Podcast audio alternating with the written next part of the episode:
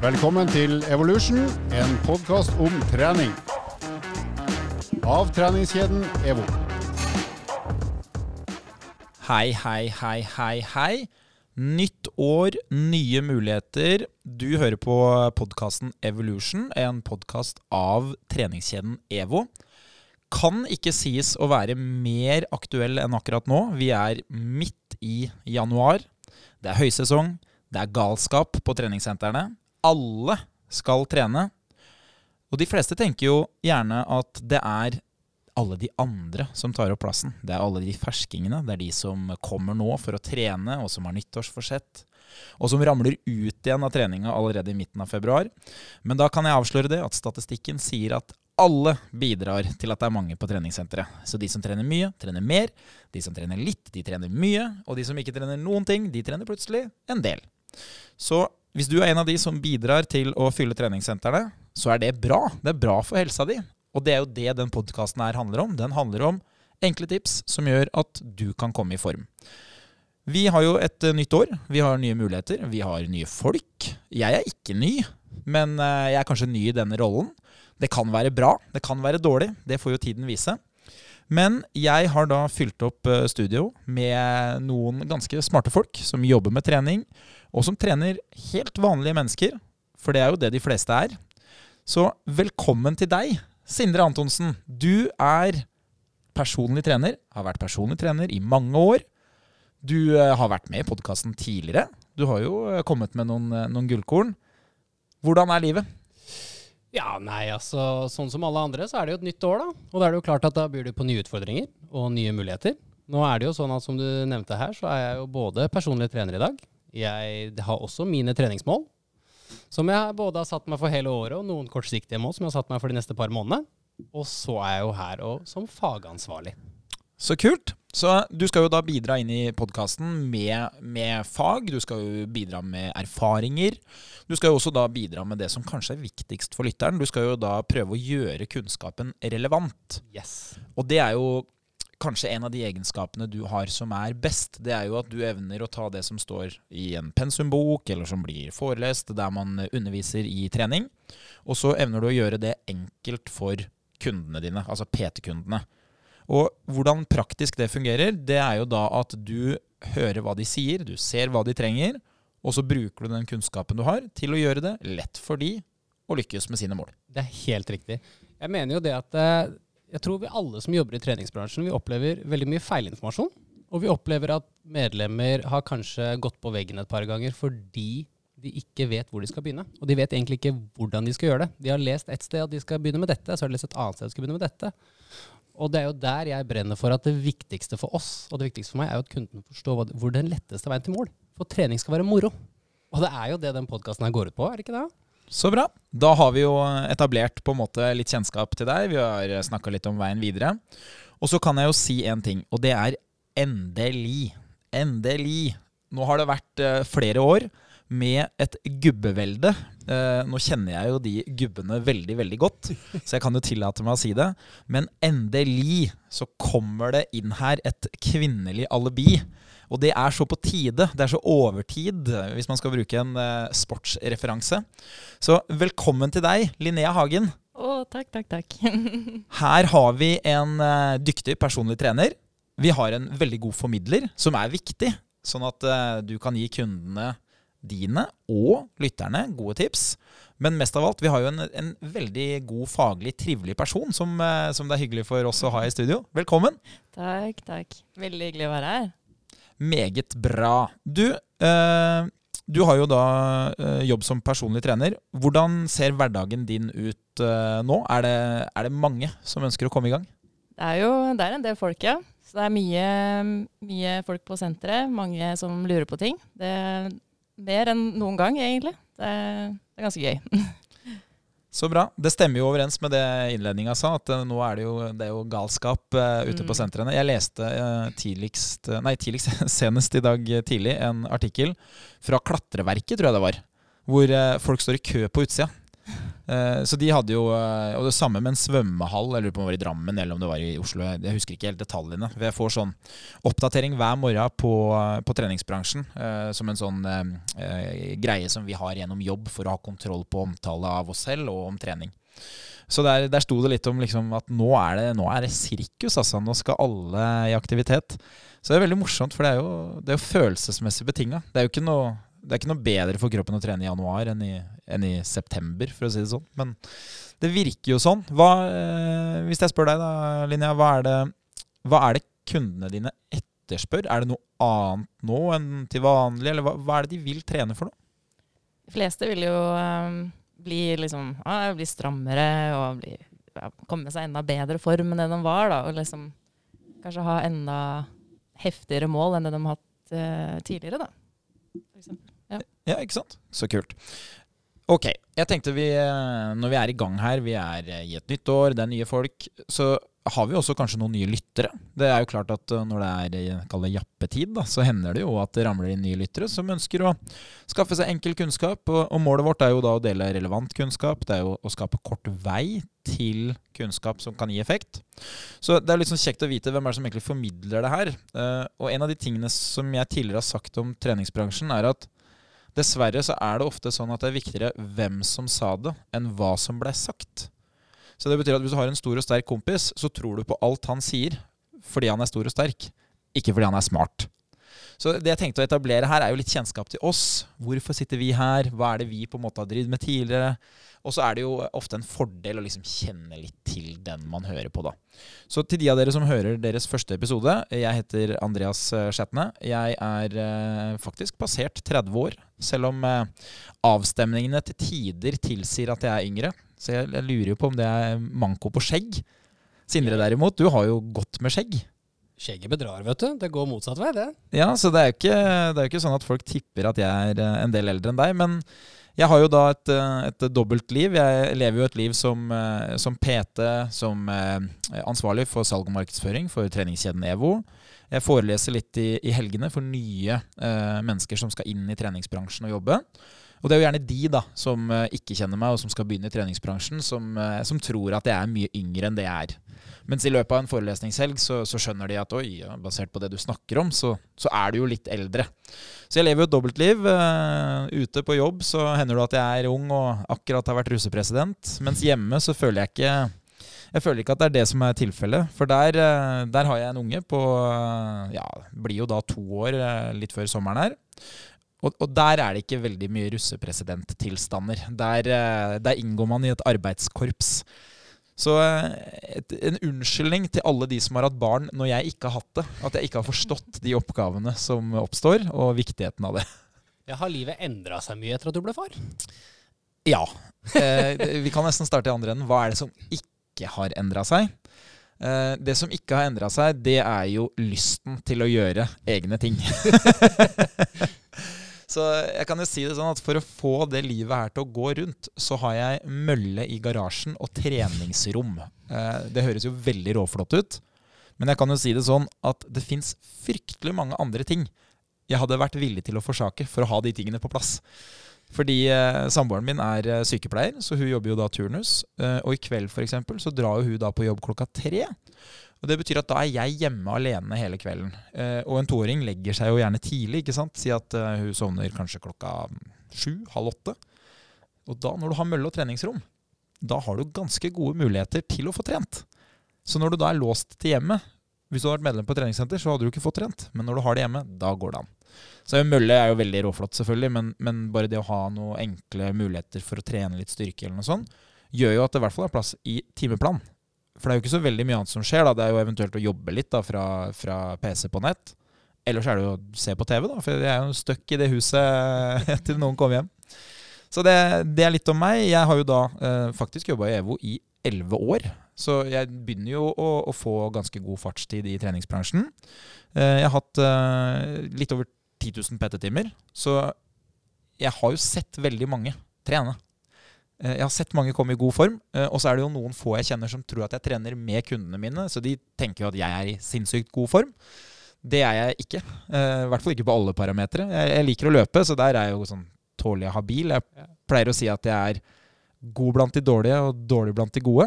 Men styrketreninga er vel ikke Holder ikke til å møte opp i noe kretsmesterskap. Men, eh, men eh, per nå så, så er det jo da å formidle trening på best mulig måte til flest mulig mennesker. Så det, det er jo litt om meg. Hvis vi tar deg da, Sindre. Du har jo du har begynt å få litt fartstid, du òg. Du har jo jobba et par år. Ja, nå har det kommet seg en stund. Jeg flytta jo ut av Lillestrøm jeg, når jeg var ferdig på videregående, og bestemte meg for at jeg skal aldri tilbake. Uh, og jeg fikk en fartstid som rørlegger. Prøvde meg som det i voksenlæra. Jeg var i Eliteserien et par år som basketballspiller. Uh, fikk en ganske stygg skade. Valgte å rehabilitere og komme tilbake. Uh, jeg var så heldig at jeg kom tilbake en uke før sesongstart og skada meg en gang til. Og Det var da jeg skjønte at nå må vi ta veien videre til noe annet. Og da havna jeg jo i treningsbransjen. Da Da begynte jeg å studere, og så havna jeg på et PT-studio. Og merkelig nok så var jo det selvfølgelig i Lillestrøm. Og Aha. der endte vi opp med å eh, flytte tilbake. Ikke sant? Så du, hvis jeg skal notere litt, da. Du er rørlegger uten fagbrev. Helt riktig. Og så er du en lillestrømling som ikke ville bo i Lillestrøm, men som endte opp med å bo der og jobbe der. Merkelig nok, ja. Så, så du, er jo, du er jo både tilpasningsdyktig og eh, du er jo villig til å finne deg ting du ikke har lyst til. Ja, Det er det jo ingen tvil om, men så fant jeg ut at det var jo egentlig ganske hyggelig i Lillestrøm likevel. Det var bare jeg som ikke var så god i fotball som ung, som tenkte at nei, her kan vi ikke dra tilbake. Men til tross for at du eh, ikke var så fotballglad, for du har jo spilt i Eliteserien i basket, Stemmer. så, så snakka vi litt i innledninga her om at du er, jo, du er oppvokst rett ved siden av Tom Lund-statuen. Ja. Det er jo det som er så komisk, da. Jeg har en bestefar som eh, pleide i sine yngre dager å spille poker på Åråsen stadion, så han pleide å ville ta oss med på kamper da, hver eneste uke. Og jeg motstridde det så mye som jeg kunne, og sto heller på grusplassen foran garasjen hans og skjøt eh, basketballer. Aha. Eh, bare sånt kjapt spørsmål. Jeg har på minnet her en eller annen gang tilbake i tid at den statuen den ble halshogd. Ja. Til og med jeg, som ikke var så fotballinteressert, syns jo det er helt hensynsløst. Men det mistenktes jo den gang at det var en Vålerenga-supporter, og det er jo ikke så rart. Det er et anspent forhold vi har hatt med Vålerenga i mange år. Jeg kan jo si det sånn at hvis, hvis du som Lillestrøm-supporter kutter huet av Tom Lund Da har du kutta huet av Da- da- sosiale status. Selv ikke Lillestrøm har så dårlige resultater at det har skjedd. Så det var vel en Vålerenga-supporter som sneik seg inn, og, eh, og så tenker man sånn Ja ja, det er jo ganske sånn eh, metaforisk tøft gjort. Men det må jo ha vært en jobb òg. Altså, det- du står der med baufila. Det er jo ikke altså, Til de som har prøvd å sage metall, det er ikke, det er ikke gjort på 20 sekunder. Altså. Altså Jeg som en dårlig rørlegger kan si at det tar ganske mye lengre tid enn 20 sekunder. Så gjennomføringsevnen og innsatsen her var jo i hvert fall til stede. Ja, Det er det ingen tvil om. Det kan vi si. Nei, men meget bra. Det er jo hyggelig å bli litt uh, kjent, så lytterne vet, uh, vet hvem vi er. Du har jo som sagt vært innom tidligere, Sindre, så man kan jo høre tilbake på episoder som, uh, som du har deltatt i. Og så er det jo kanskje det som er mest spennende for lytterne, da. Det er jo, det er jo deg, Linnea. Du har jo vært med tidligere, du òg. Men nå skal du jo være fast inventar. Ja, det er sjukt. Ja, Har du gleda deg? Masse. Jeg gleder meg skikkelig. Ja, du er, jo, eh, du er jo på en måte en veldig sprudlende, glad person. Du liker jo å formidle trening. Så, så jeg, jeg syns jo det er veldig, veldig hyggelig å ha deg med, og at du ville være med. Det er jo ikke alle som verken har tid til det, eller som har lyst til det, eller som tør det, for den saks skyld. Det er jo mange som ikke tenker på at ok, idet du får en mikrofon i ansiktet, da skal du svare like bra som du gjør uten. De fleste vegrer seg jo for det, men det, jeg syns det går veldig bra. Ja, så bra. Du, Vi, vi snakka litt grann i stad om, eh, om hva du har gjort tidligere. Eh, Du jobber jo som PT. Eh, Du har også utdanna deg innafor eh, media. Ja. Eller eh, jeg har en bachelor i ledelse i kreativ næring. er det jeg har. Aha, så Mm. kult, så Ja. kult. Og så har du jo, i motsetning til Sindre, fra Åråsveien eh, og eh, ja, Jeg har bodd i Kirkenes som barn, og mamma og pappa er fra Trondheim. Men, men sammenligna med, med deg, så er ikke det like spennende. Fordi du er fra det store landet Kina. Det stemmer. Født i Kina. Og for meg som liker geografi, så er jo det her eh, Dette er jo jackpot. Her kan jeg jo stille tusenvis av spørsmål. Men du er født i Kina. Når, når er det du kom til Norge? Eh, Jeg er født i 96, så da bodde jeg i Kina til 97. Så flytta vi til Nittedal, faktisk. Oi, oi, oi. Aha! Til Nittedal. Hvor i Nittedal flytta du? Åneby. Til Åneby. Ja. Hvor hen? Grindbråten? Så mye husker jeg ikke. Aha! Fy flate, altså. Her snakker vi. Ja, Så bodde der til jeg var fem, ish. Fire. 2000, da flytta vi til Kina igjen, da. Og da bodde jeg i Beijing til eh, 2007. Så du har bodd syv år i Beijing. Ja. Fy flate. Og så er, jeg elsker jo at uh, hvis jeg skulle ha gjetta hvor er du fra, eller hvor har du bodd, så sier jeg jo alltid hovedstaden, for det er jo som regel der de fleste bor. Mm. I det tilfellet her så stemmer det jo. Mhm. Ja, Det er, det er rått. Uh, Beijing, for øvrig en by som både har hatt sommer-OL og vinter-OL. Det er ikke så mange av de. Nei, det er det ikke. Hva husker du fra Kina? Husker du noe? Masse. Jeg gikk jo hele barneskolen der, og um, vi gjorde jo så mye kult både på skolen og utenfor skolen, da. Så vi jo, eh, hadde jo tonnevis av forskjellige idretter og fritidsaktiviteter og sånne ting å gjøre på hele tida. I tillegg til at jeg har en mamma er kinesisk. Så hun er jo veldig på å pushe på å gjøre ting hele tida. Så da var det jo, da var det jo cello, for det første. Og så var det alle disse idrettstypene jeg skulle teste ut. da. Og jeg var ganske glad i å bevege på meg uansett. Så da var det jo Først var det faktisk ballett. Det glemte jeg å nevne i stad. Men i hvert fall ballett. Og så var det fotball og tennis og ishockey, kunstløp, badminton. Ja, diverse. Flate. Og eh, av de tingene, så eh, Alt det andre syns jeg høres spennende ut. Cello, da eh, Jeg får nesten prestasjonsangst. Det er bare å tenke på det. Jeg spilte ikke så lenge, da. Jeg spilte bare til jeg var okay, 14. Da ga jeg opp. For, for cello, det er Hvis jeg husker riktig, er ikke cello en Det er en stor fiolin? Ja. Eh, En Ja. stående fiolin? ja. Jeg må, må huske at jeg, jeg har ikke, altså Musikk er ikke mitt fagfelt i det hele tatt, så jeg, jeg snakker sånn som uh, de, de ulærde snakker. En stående fiolin. Ja, sittende. Du sitter og spiller, da. Det er såpass, ja? Ja. Sitter og spiller cello. Du står og spiller bass. Ikke sant? ja. Og, og, men du bruker en sånn uh, Sånn bue, tenker du på? Ja, sånn du, du spiller ikke med fingrene. Nei, eller Nei, for det er, det er kontrabass, ja, kontrabass er den hvor det står sånn Aha. Det blir litt sånn bro science i en annen bransje nå, kjenner jeg. Du, du hører det nå? Ja, jeg syns det. For nå er, nå er jeg ute på glattisen, altså. Det, Men det er derfor det er så godt at vi har hun. Altså, Du vet jo akkurat hva du prater om. Det er en for oss. jeg, jeg har trent uh, ei dame i veldig mange år, uh, og hun er norsk mester i korps.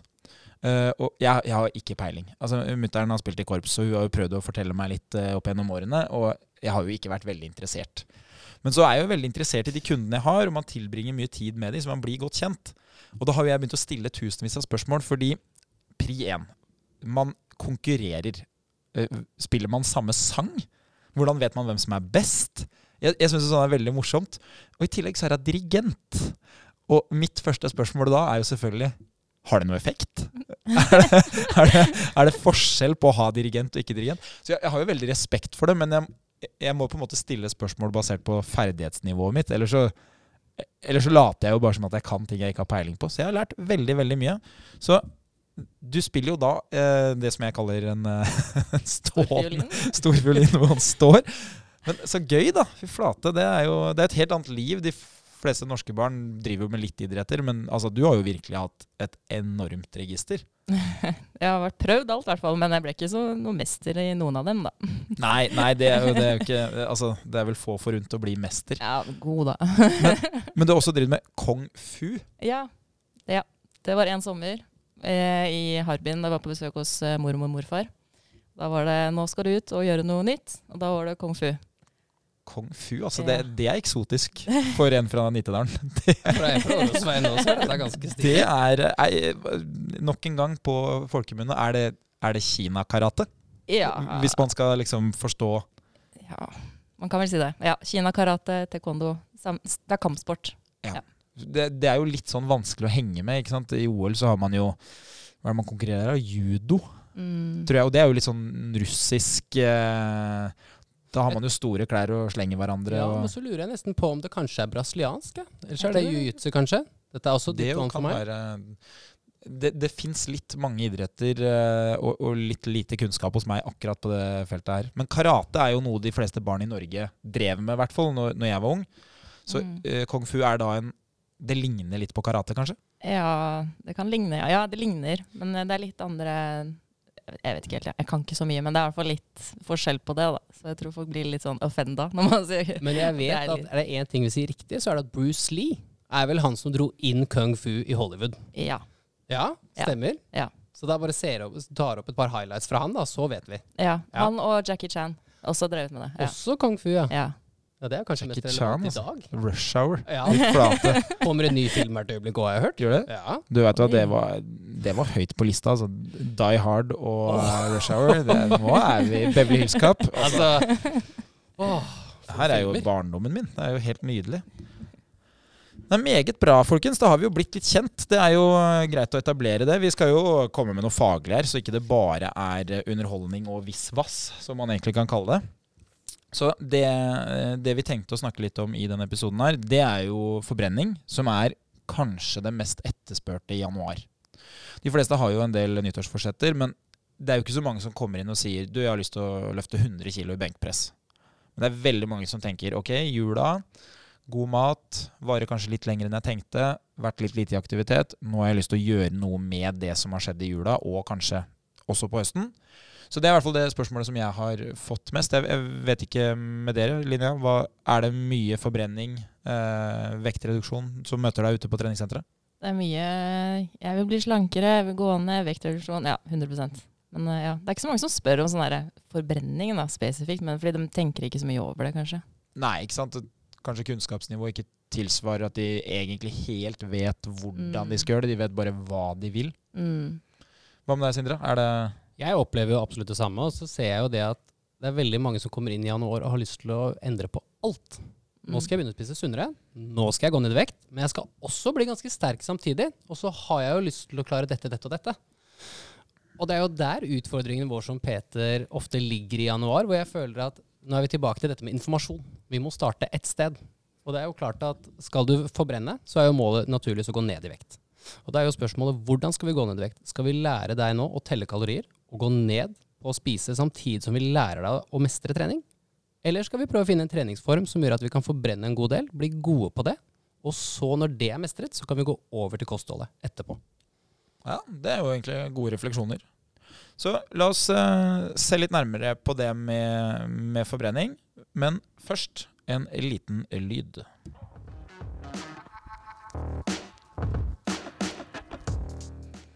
Vi har da valgt å se direkte på en mengde energi, altså da kraft som må utøves, eller et forbruk. Man gjør jo ting ganske enkelt når man skal lage studier og man skal ha kontroll.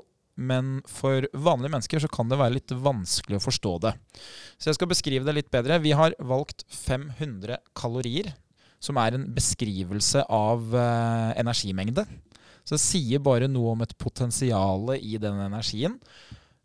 Men for å gjøre det lett, 500 kalorier det er det Helsedirektoratet sier at du skal bruke mer enn det du spiser hver dag hvis du skal gå ned en halv kilo i uka. Så mattestykket er da hver eneste dag så skal det stå minus 500 kalorier. Hvis det gjør det, så går jeg ned en halv kilo i uka. Det er det Helsedirektoratet anbefaler. Derfor så har vi valgt den energimengden. Og så har vi tenkt å se litt mer på hva innebærer det. Sånn at vi kan på en måte gjøre det litt lettere å sette det i system. Kanskje litt lettere å forstå eh, hva er det vi ønsker å oppnå. Hvordan skal vi oppnå det? Så først av alt da, ikke sant? Helsedirektoratet anbefaler jo 500 kalorier av en grunn. Og da er det jo liksom, hva er grunnen? Eh, enkelt forklart, hvis du hadde gått mer i minus enn 500, så begynner underskuddet å bli ganske stort. Da vil du begynne å kanskje kjenne litt mer på det. Hvis man eh, sier at man hadde gått eh, 1500 kalorier i minus, så hadde man kanskje blitt litt mer sånn veldig døsig og sliten. Man hadde kanskje blitt litt svimmel. Så, så Helsedirektoratet kan ikke anbefale noe som utgjør en folkehelserisiko. Så Derfor så har man valgt da noe som man vet er godt innafor, men som er effektivt nok til at det er mulig å opprettholde det. Så det gjør mindre eh, krav til endring i hverdagen, eh, samtidig som det gir god nok effekt hvis du bare trekker tida langt nok ut. Da. Så Hvis du sier seks måneder istedenfor ti dager, så vil du ha et godt resultat. Halv kilo i uka, holder du på med det et år, 26 kilo. Så det, det utgjør jo veldig veldig mye, men de fleste har ikke så god tid. Eh, derav en del av de mer tabloide overskriftene. 10 kilo på fem uker, eller fem 5 kilo på tre uker. De, man lover jo noe som egentlig matematisk sørge for at uh, livet må endevendes. Da. Så 500 kalorier, Helsedirektoratets anbefaling. Så vi skal jo da se litt på, på hva det kreves. Uh, Sindre, hvis vi tar deg, da. Hva, når, når det kommer noen inn til deg og stiller spørsmålet Du, jeg har lyst til å gå litt ned i vekt. Hva, hva gjør du da? Det første jeg gjør der, er å kartlegge erfaringen du har hatt tidligere. Om du egentlig har klart å gå ned i vekt tidligere. For det er jo det som avgjør hvor jeg har lyst til å begynne i kall det, Jeg kaller dette en livsstilsendring istedenfor en vektreduksjon. For det er jo litt sånn som du nevner der, at skal du gå ned i vekt, så er det klart at det er det noen valg du gjør i livet som ikke passer med livsstilen du ønsker. Og da må vi kartlegge hva er feil, og hva kan vi eventuelt endres, spesielt de minste kravene. Jeg liker jo å tenke at det er viktigere å dra i mange små snorer enn å gjøre en stor helomvending, for det er tyngre for hverdagen. Og det er jo noe jeg ser i mange av kundene mine. Så det er jo klart at jeg kartlegger det, og så går vi rett på sak. Og oftest så går vi jo på treninga, for det er jo der de kommer inn og ønsker mest informasjon i starten. Og da vil jeg at du skal mestre treninga. Så vil jeg at du skal begynne å bli litt god i det, og har lyst til å pushe deg litt på egen hånd i tillegg. Og så begynner vi å gå inn dypt på kostholdet.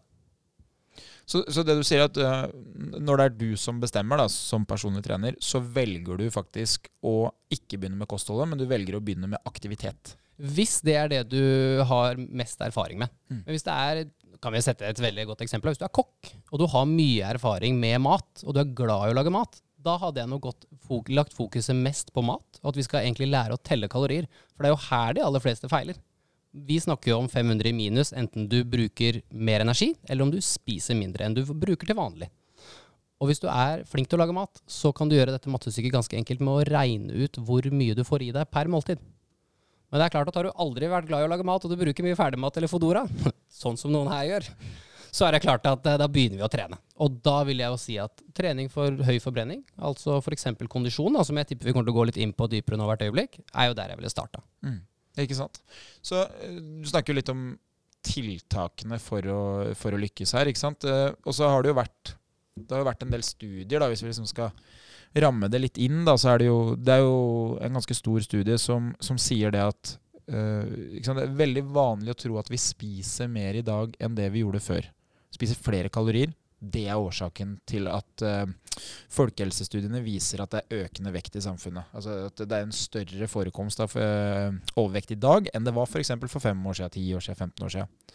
Men så ser man i de studiene at vi, vi gjør ikke det fordi vi har egentlig bytta ut kildene til kalorier med andre kilder. Så uh, eksempelet i dag, da, si du spiser litt fast food, og du spiser kanskje en del godteri og sånne ting som man ikke spiste før. Så så man jo da for 50 år siden, 100 år siden, så hadde man jo mye mer fet kost. Uh, fordi det var det man hadde tilgang til. Så mengden kalorier vises i en del studier å være det samme. Så hva er det som har endra seg da, hvis inntaket er det samme? Jo, det er jo da forbruket.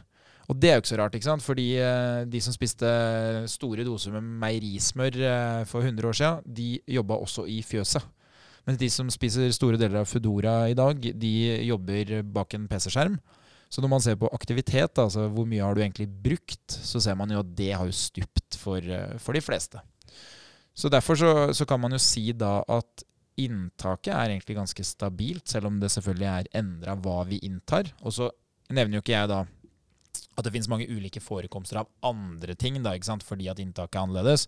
Så kan det godt hende at sånn for generell helse så er det bedre å innta eh, mange kalorier gjennom kosten man hadde for 100 år siden, enn kosten man har i dag. Men hvis man ser isolert på vektreduksjon, så vil det jo selvfølgelig være sånn da at vi må bruke det enkleste regnestykket her, og det er hva kommer inn, og hva er det som går ut i andre enden.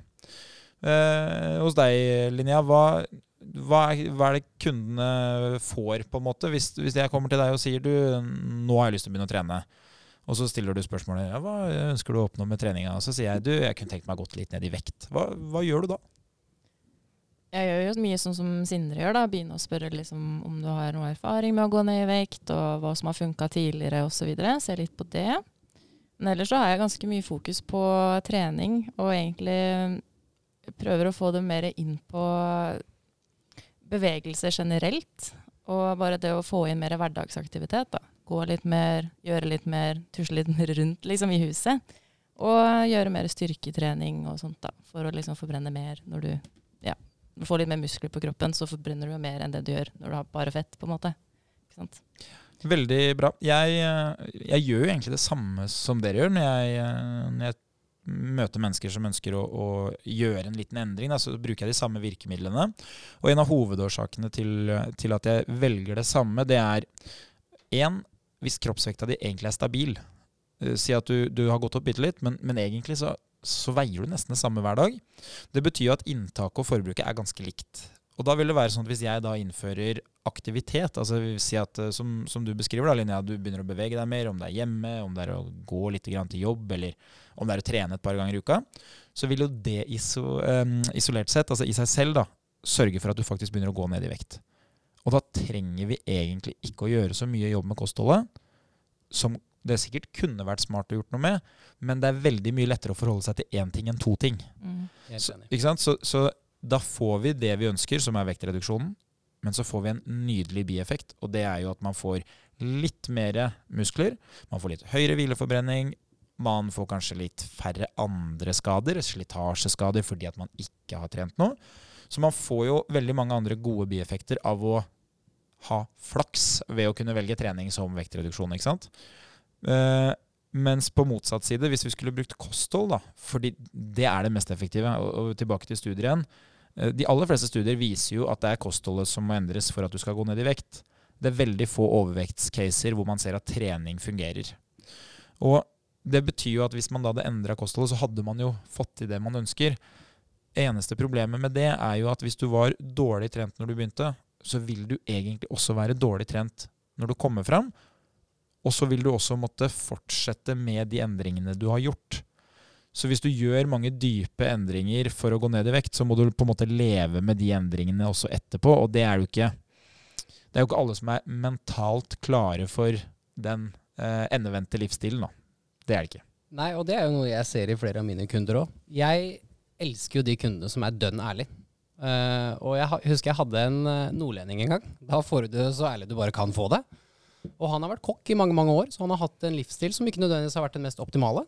Og han kom inn til meg og sa at han skulle ned i vekt og komme seg i bedre form. Og så spurte jeg han hva tror du som kokk er løsningen. Så sa han nei, problemet er jo at fett er godt. Og det funker til alt. Så jeg må vel slutte med litt fett, da. Og så må jeg lære meg å trene. I dag, så, og det sa han i januar i fjor, i dag så er han på treningssenteret fire ganger i uka i snitt. Tidligere så har han ikke trent på flere år. Har ikke mestra det i det hele tatt. Ikke det var gøy det hele tatt. Men han fikk blod på tann, og jeg tror det handler om Det er vår jobb som PT, er å så det lille frøet og inspirere om at trening er gøy. For det er det jeg har sett i hans tilfelle. Han fikk litt mer muskler. Skibuksa hans passa når han skulle til Trysil denne helgen, og motivasjonen ble økt. Og så begynte han å tenke mer på kosten, for nå var det jo gøy. Nå var det jo veldig morsomt. Nå ville han jo prestere bedre på trening, og da måtte jo han plutselig tenke på hva han spiste. Så litt sånn som vi prata innledningsvis, så er det jo det at vi sår et frø, og vi drar i noen små snorer som gjør at han trekker resten av lasset etterpå. Meget godt uh, poeng. Det er jo uh, en enkel måte å forklare det til de som kanskje ikke jobber med det til daglig, og som ikke på en måte lever oppi det, sånn som vi har gjort uh, lenge. Hvis vi da ser litt sånn dypere på det, da, for å forklare det, så i mange mange år når jeg har forklart dette her til, til vanlige folk, da, så har jeg pleid å dele forbrenning i tre. Altså, hva er det som gjør at jeg bruker kalorier? Kalorier er bare et mål på hva jeg har gjort, eh, og et veldig fint eh, energimål for å se på kroppsen, eh, kroppsen faktisk, eh, kroppsvekt og reduksjon av kroppsvekt. Så det jeg pleier å si, da, det er at eh, del én er hvileforbrenning. Det er veldig enkelt forklart. Det er den forbrenninga som kroppen har når du ikke gjør noen verdens ting. Det, det er det det koster deg å holde deg i live. Det er det det koster at uh, hjertet ditt skal slå, at lungene dine skal sørge for at det kommer inn oksygen, uh, at det skal transporteres blod rundt. Alt det som du ikke trenger å ta ansvar for, det har en grunnkostnad. Det er en grunnleie her for å bare være i live. Så det bruker kroppen litt, uh, litt kalorier på. Og det som avgjør hvileforbrenninga, det er størrelsen på kroppen. Veldig enkelt. Så kan du kødde med det hvis du eh, trener masse styrke, sånn at du får eh, mer muskler. Da får du høyere hvileforbrenning. Men vi snakker her om parametere som ikke er hinsides. Så for et vanlig menneske så vil det være en lang vei å gå å skulle trene for høyere hvileforbrenning. Fordi det vil være så langtekkelig i tid å skape resultatene som vil gjøre den store forskjellen. Men del én, det er jo da hvileforbrenning. Hvileforbrenning, veldig enkelt. Man kan egentlig bare gange kroppsvekta si med antall timer. Så hvis du da har 100 kg kroppsvekt, og det er 24 timer i døgnet, så har du 2400 i hvileforbrenning. Det, det er en sånn veldig overfladisk enkelt måte å regne det på. Så da kan man begynne å sette tall på det, som gjør noe med at man begynner å skjønne å ja, så mye kan jeg spise. Så det er jo det som er regnestykket. Så da Si at uh, du har 100 kg kroppsvekt, og det der er 24 timer i døgnet. Da har du 2400. Og så har du da aktiviteten. Uh, og aktivitet det har ikke noe med trening å gjøre. Aktivitet er det du gjør mer enn om du bare hadde ligget i senga. Og de aller aller fleste de er jo nødt til å gjøre noe. ikke sant? Bare det at du hopper ut av senga, går og pusser tenna, du skal gå litt i trapp, kanskje du er nødt til å komme deg til jobb, kanskje du må eh, på jobben så må du gå til kaffemaskina, du må gå på do et par ganger.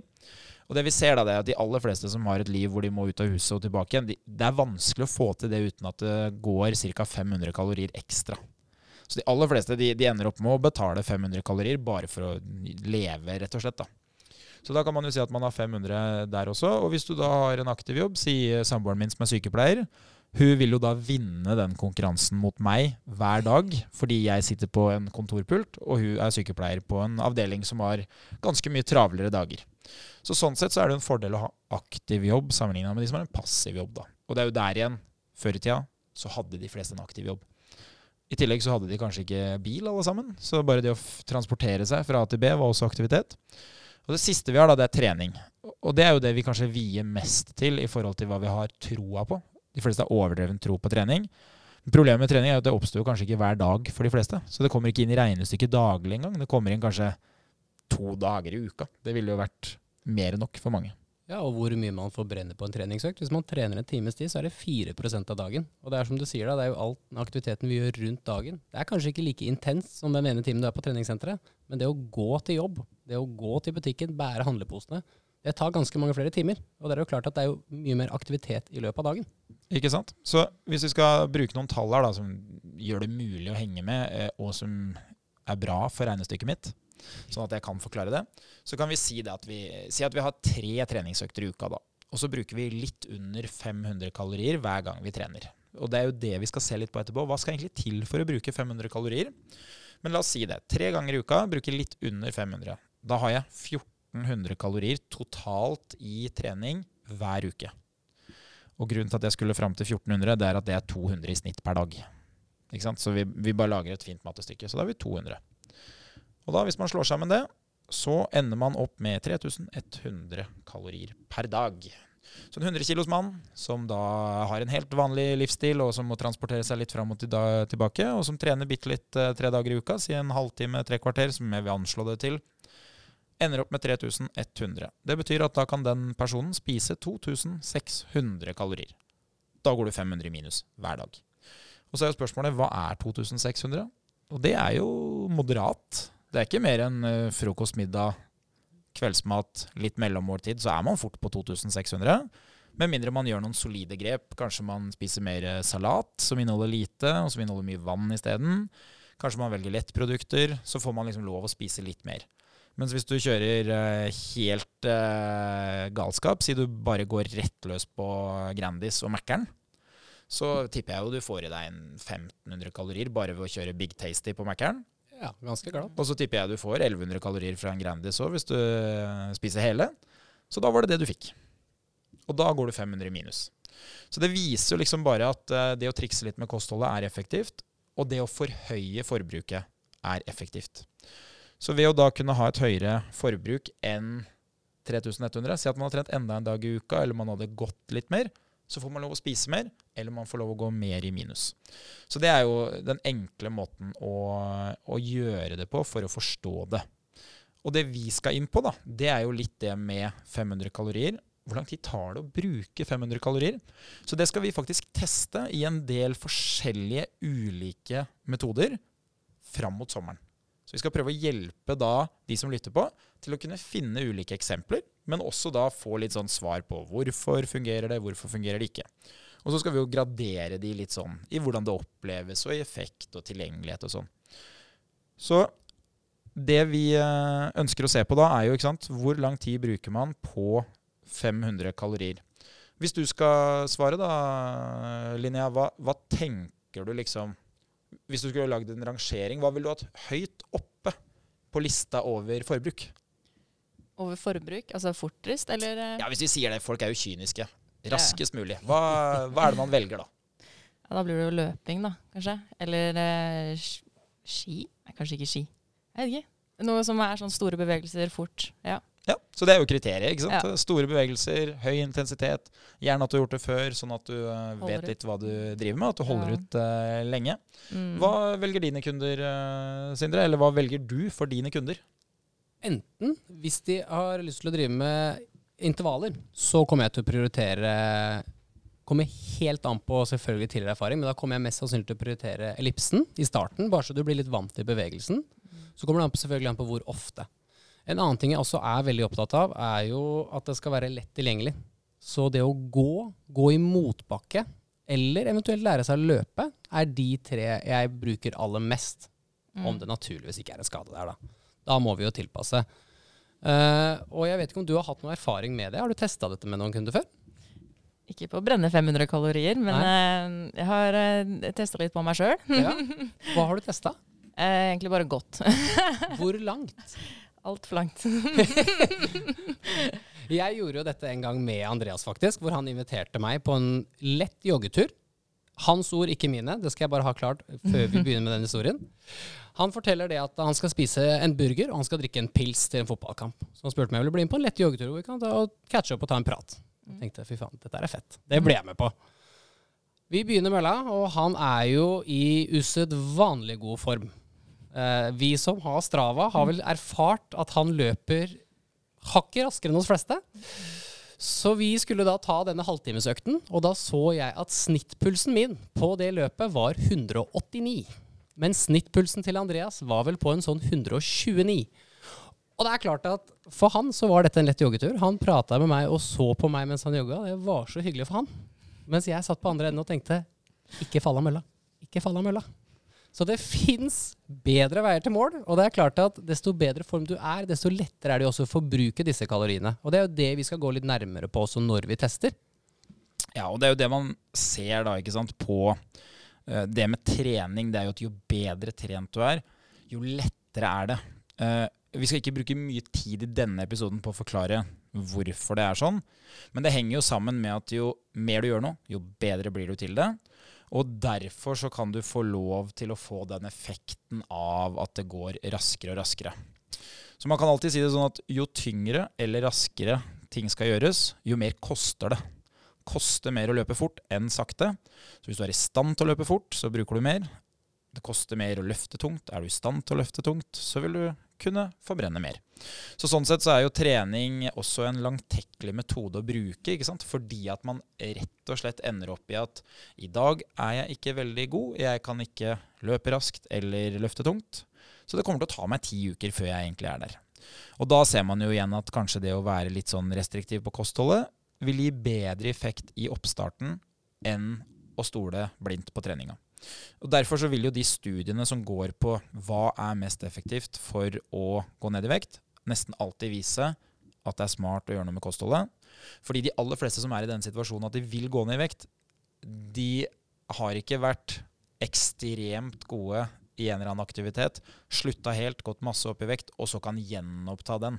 Det er veldig få tidligere verdensmestere og olympiske mestere som er med i de studiene. Det er jo veldig mange mennesker som ikke har vært så mye fysisk aktivitet. Så derfor så er det ikke så naturlig for de å, å være gode i, i eh, en spesiell idrett når de begynner, da.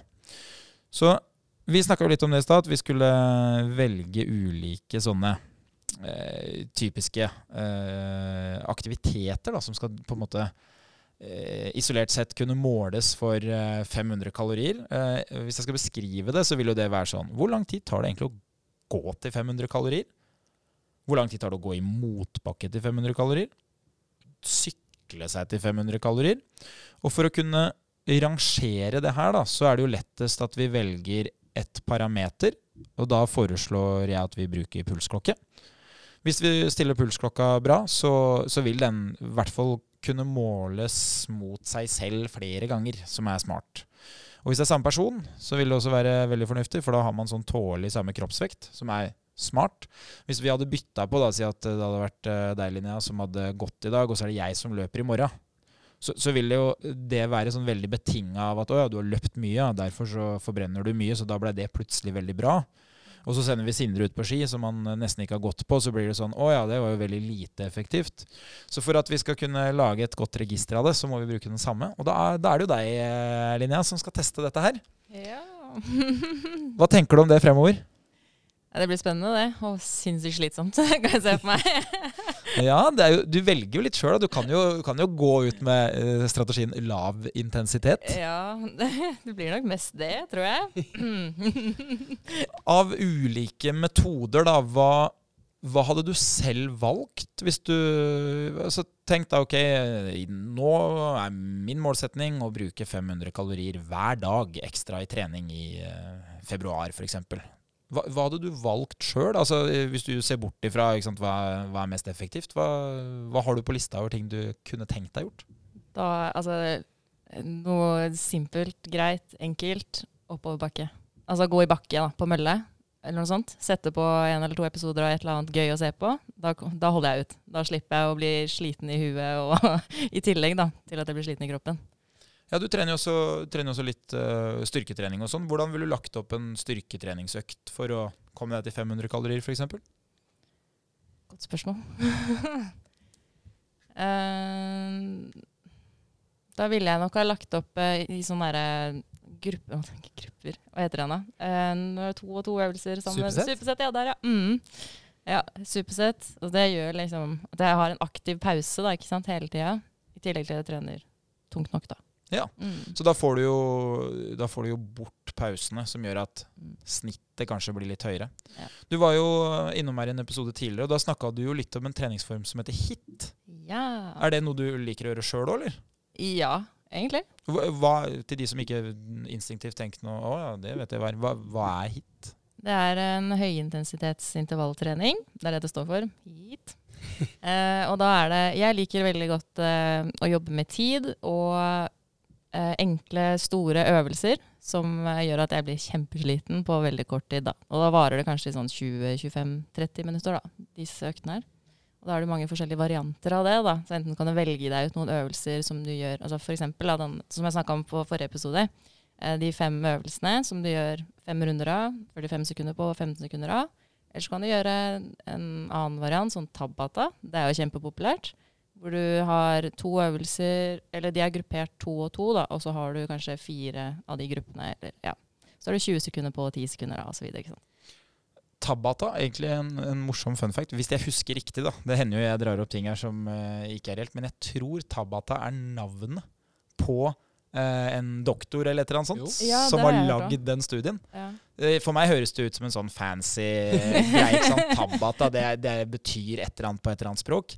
Men i det tilfellet her så er det vel som Fedon Lindberg. Det er liksom Det er, det er Fedon eh, bare i, eh, i hurtigtreningsvarianten. Ja. Så det fins jo mange sånne ulike metoder man kan bruke. Hensikten er jo eh, mest sannsynlig her å få piska hjertet litt samtidig. eh, Og da er det jo sånn, da må man jo kanskje fire litt på motstanden. Man kan ikke ha så tunge vekter, for da da blir det bråstopp. Så dette er jo ting vi skal snakke litt mer om eh, utover eh, vinteren og, og våren. Så, så folk kan få lære seg litt sånne prinsipper. Eh, hva, hva tenker du at vi skal begynne med? Hva vil du, hva vil du teste som første 500 kalorier? Det blir eh, det jeg er mest komfortabel med. Å gå. Har du noen eh, instinktive tips til de andre som eh, har tenkt til å teste dette selv fram til neste gang? eh, hvordan da, tenker du på? Sånn eh, Nei, altså hva, hva- gjør man for å underholde seg selv gående? Ja. en god podkast eller en eh, god serie å se på. I hvert fall et tips da, er å, liksom, å sette på en serie som du bare ser på på trening, eller bare når du går på mølle eller et eller annet sånt. Og da, da er det alltid liksom sånn her, å, jeg må vite hva som skjedde neste eller ja, ikke sant? Så du ikke tillater deg selv å binge deg hjemme, men at du faktisk kommer på trening og ser det. Ja, det er jo et sånn eh, er et kjempegodt tips. Jeg, Ja. jeg gjør jo litt det samme, bare i en helt annen uh, kategori og måte. Uh, jeg hender at jeg eh, løper og ser på fotball. Ikke sant? Fordi da tenker jeg at det, dette her kunne jeg tenkt meg sett uansett. Og så kan jeg da bare løpe gjennom hele fotballkampen. Og eh, ja, fotball har jo det ved seg at det er ikke, det er ikke så spennende hele tida. at du må følge med, Sindre, som du òg er nøye med å påstå. Ja! Nå skal jeg være litt forsiktig her, så jeg ikke blir halshogd, men eh, det er vel ingen tvil om at vi er helt enige her. Nei, for det blir ikke 100-100, sånn som i basket. Nei, det gjør ikke det, vet du.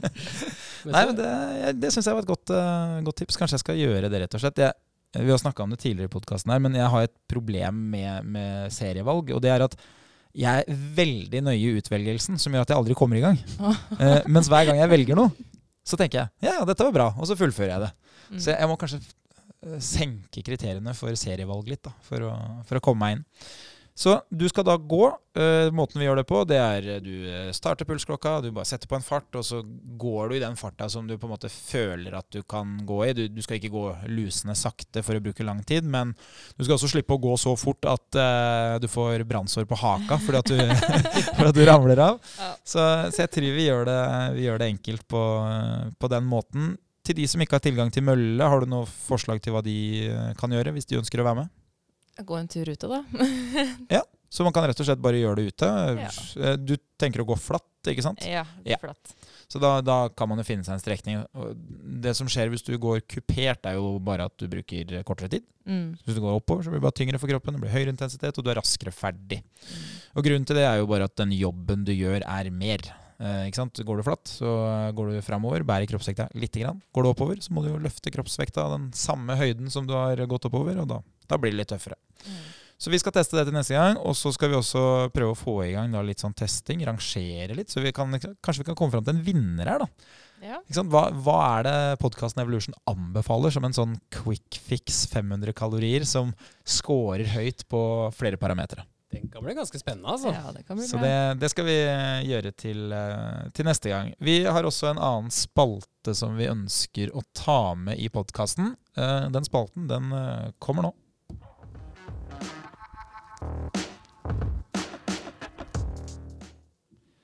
Vi har uh, ukens anbefaling, vi. Uh, og ukens anbefaling den har vi jo valgt da å, å rette litt inn mot det som uh, er challengens valg denne gangen. Ikke sant? Vi har jo valgt å gå 500 kalorier. Og så kommer vi da med en ukens anbefaling som kan være hva som helst, men som vi syns er litt spennende, og som vi tenker at lytteren også syns er litt spennende. Eller, som i dette tilfellet, er en effektiv målemetode som man kan bruke uavhengig av hvem man er og hvor man er. Så Linnea, hva, hva er det du har valgt som uh, ukens challenge? Ukens challenge det er at du skal måle så langt, eh, hvor langt du kommer på 20 minutter. Ah, Ja. Så kult! ja. Eh, hva, hva er av kriterier? Hva, hvordan, hvordan skal jeg ferdes, holdt jeg på å si? Hvordan skal jeg komme meg framover? Det kan du velge sjøl, om du velger å ta det på mølle. hvor du får, Da står det liksom hvor langt du kommer eller hvor langt du går da, på de 20 minuttene. Eller så kan du sykle, eller bare gå ute. Tenk deg en strekning eller noe sånt. Så ja. Veldig bra. Det du også kan gjøre, da, som er litt kult, det er jo at når du har gjort det én gang, så anbefaler jo vi absolutt å gjøre det igjen. Mhm. Og det betyr at hva du gjorde, er jo ikke så viktig. Men hvor mye bedre du har blitt, er jo det som ofte skaper eh, motivasjon. Har du noen tips til gjennomføring? Hvordan, hvordan fart bør jeg starte i? Hvis det sier at jeg går eller løper eller sykler, eller Hvor hardt skal jeg starte? Ikke for hardt, i hvert fall. Noe som er eh, kanskje passende for deg. Da. Noe som du veit du klarer i 20 minutter. Og kanskje ut, utfordre deg selv bitte lite grann, men ikke for mye. Ja, Så bruker kanskje noen flere forsøk. Si at du gjør det Ja. to-tre ganger. Ja, ja, ja. Man kan jo tenke seg at man har litt dårlig tid til bussen, da. Hvis du går i det tempoet der, så skal jeg Det er nok ikke så tungt at det blir ukomfortabelt. Mm. Om du ikke er en som virkelig har dårlig tid når du går til bussen, da. Så bra. Eh, det betyr da at eh, Knut Skjetne, altså min fars tips om å starte maks og øke etter hvert, det, det er ikke det vi anbefaler. Nei. Altså, Da får du ikke en god opplevelse, men da lærer du å bli i hvert fall veldig godt kjent med deg sjøl. Så det du finner ut, er egentlig hva som er for hardt. Ja, Uten tvil. Det er meget bra. Vi har kommet til eh, veis ende, vi. Eh, nå har jo folk blitt litt kjent med oss. Vi har eh, vært igjennom litt sånn info om 500 kalorier.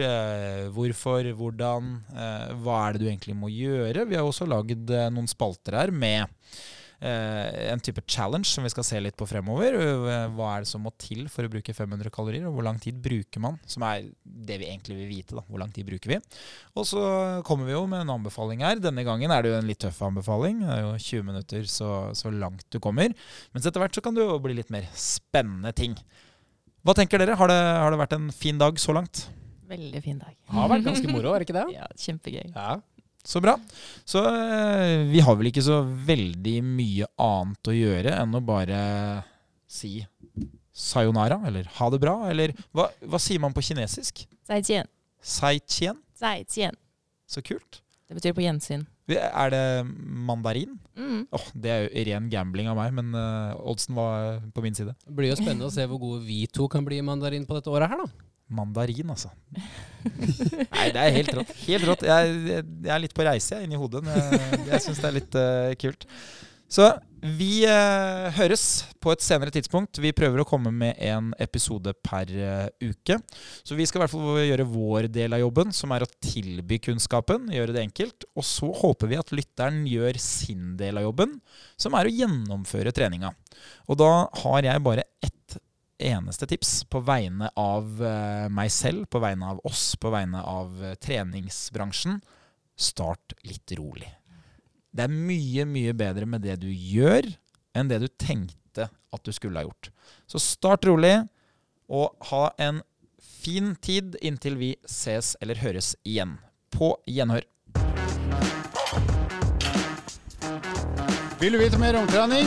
Abonner på podkasten og sjekk ut vårt treningsmagasin på evo.no.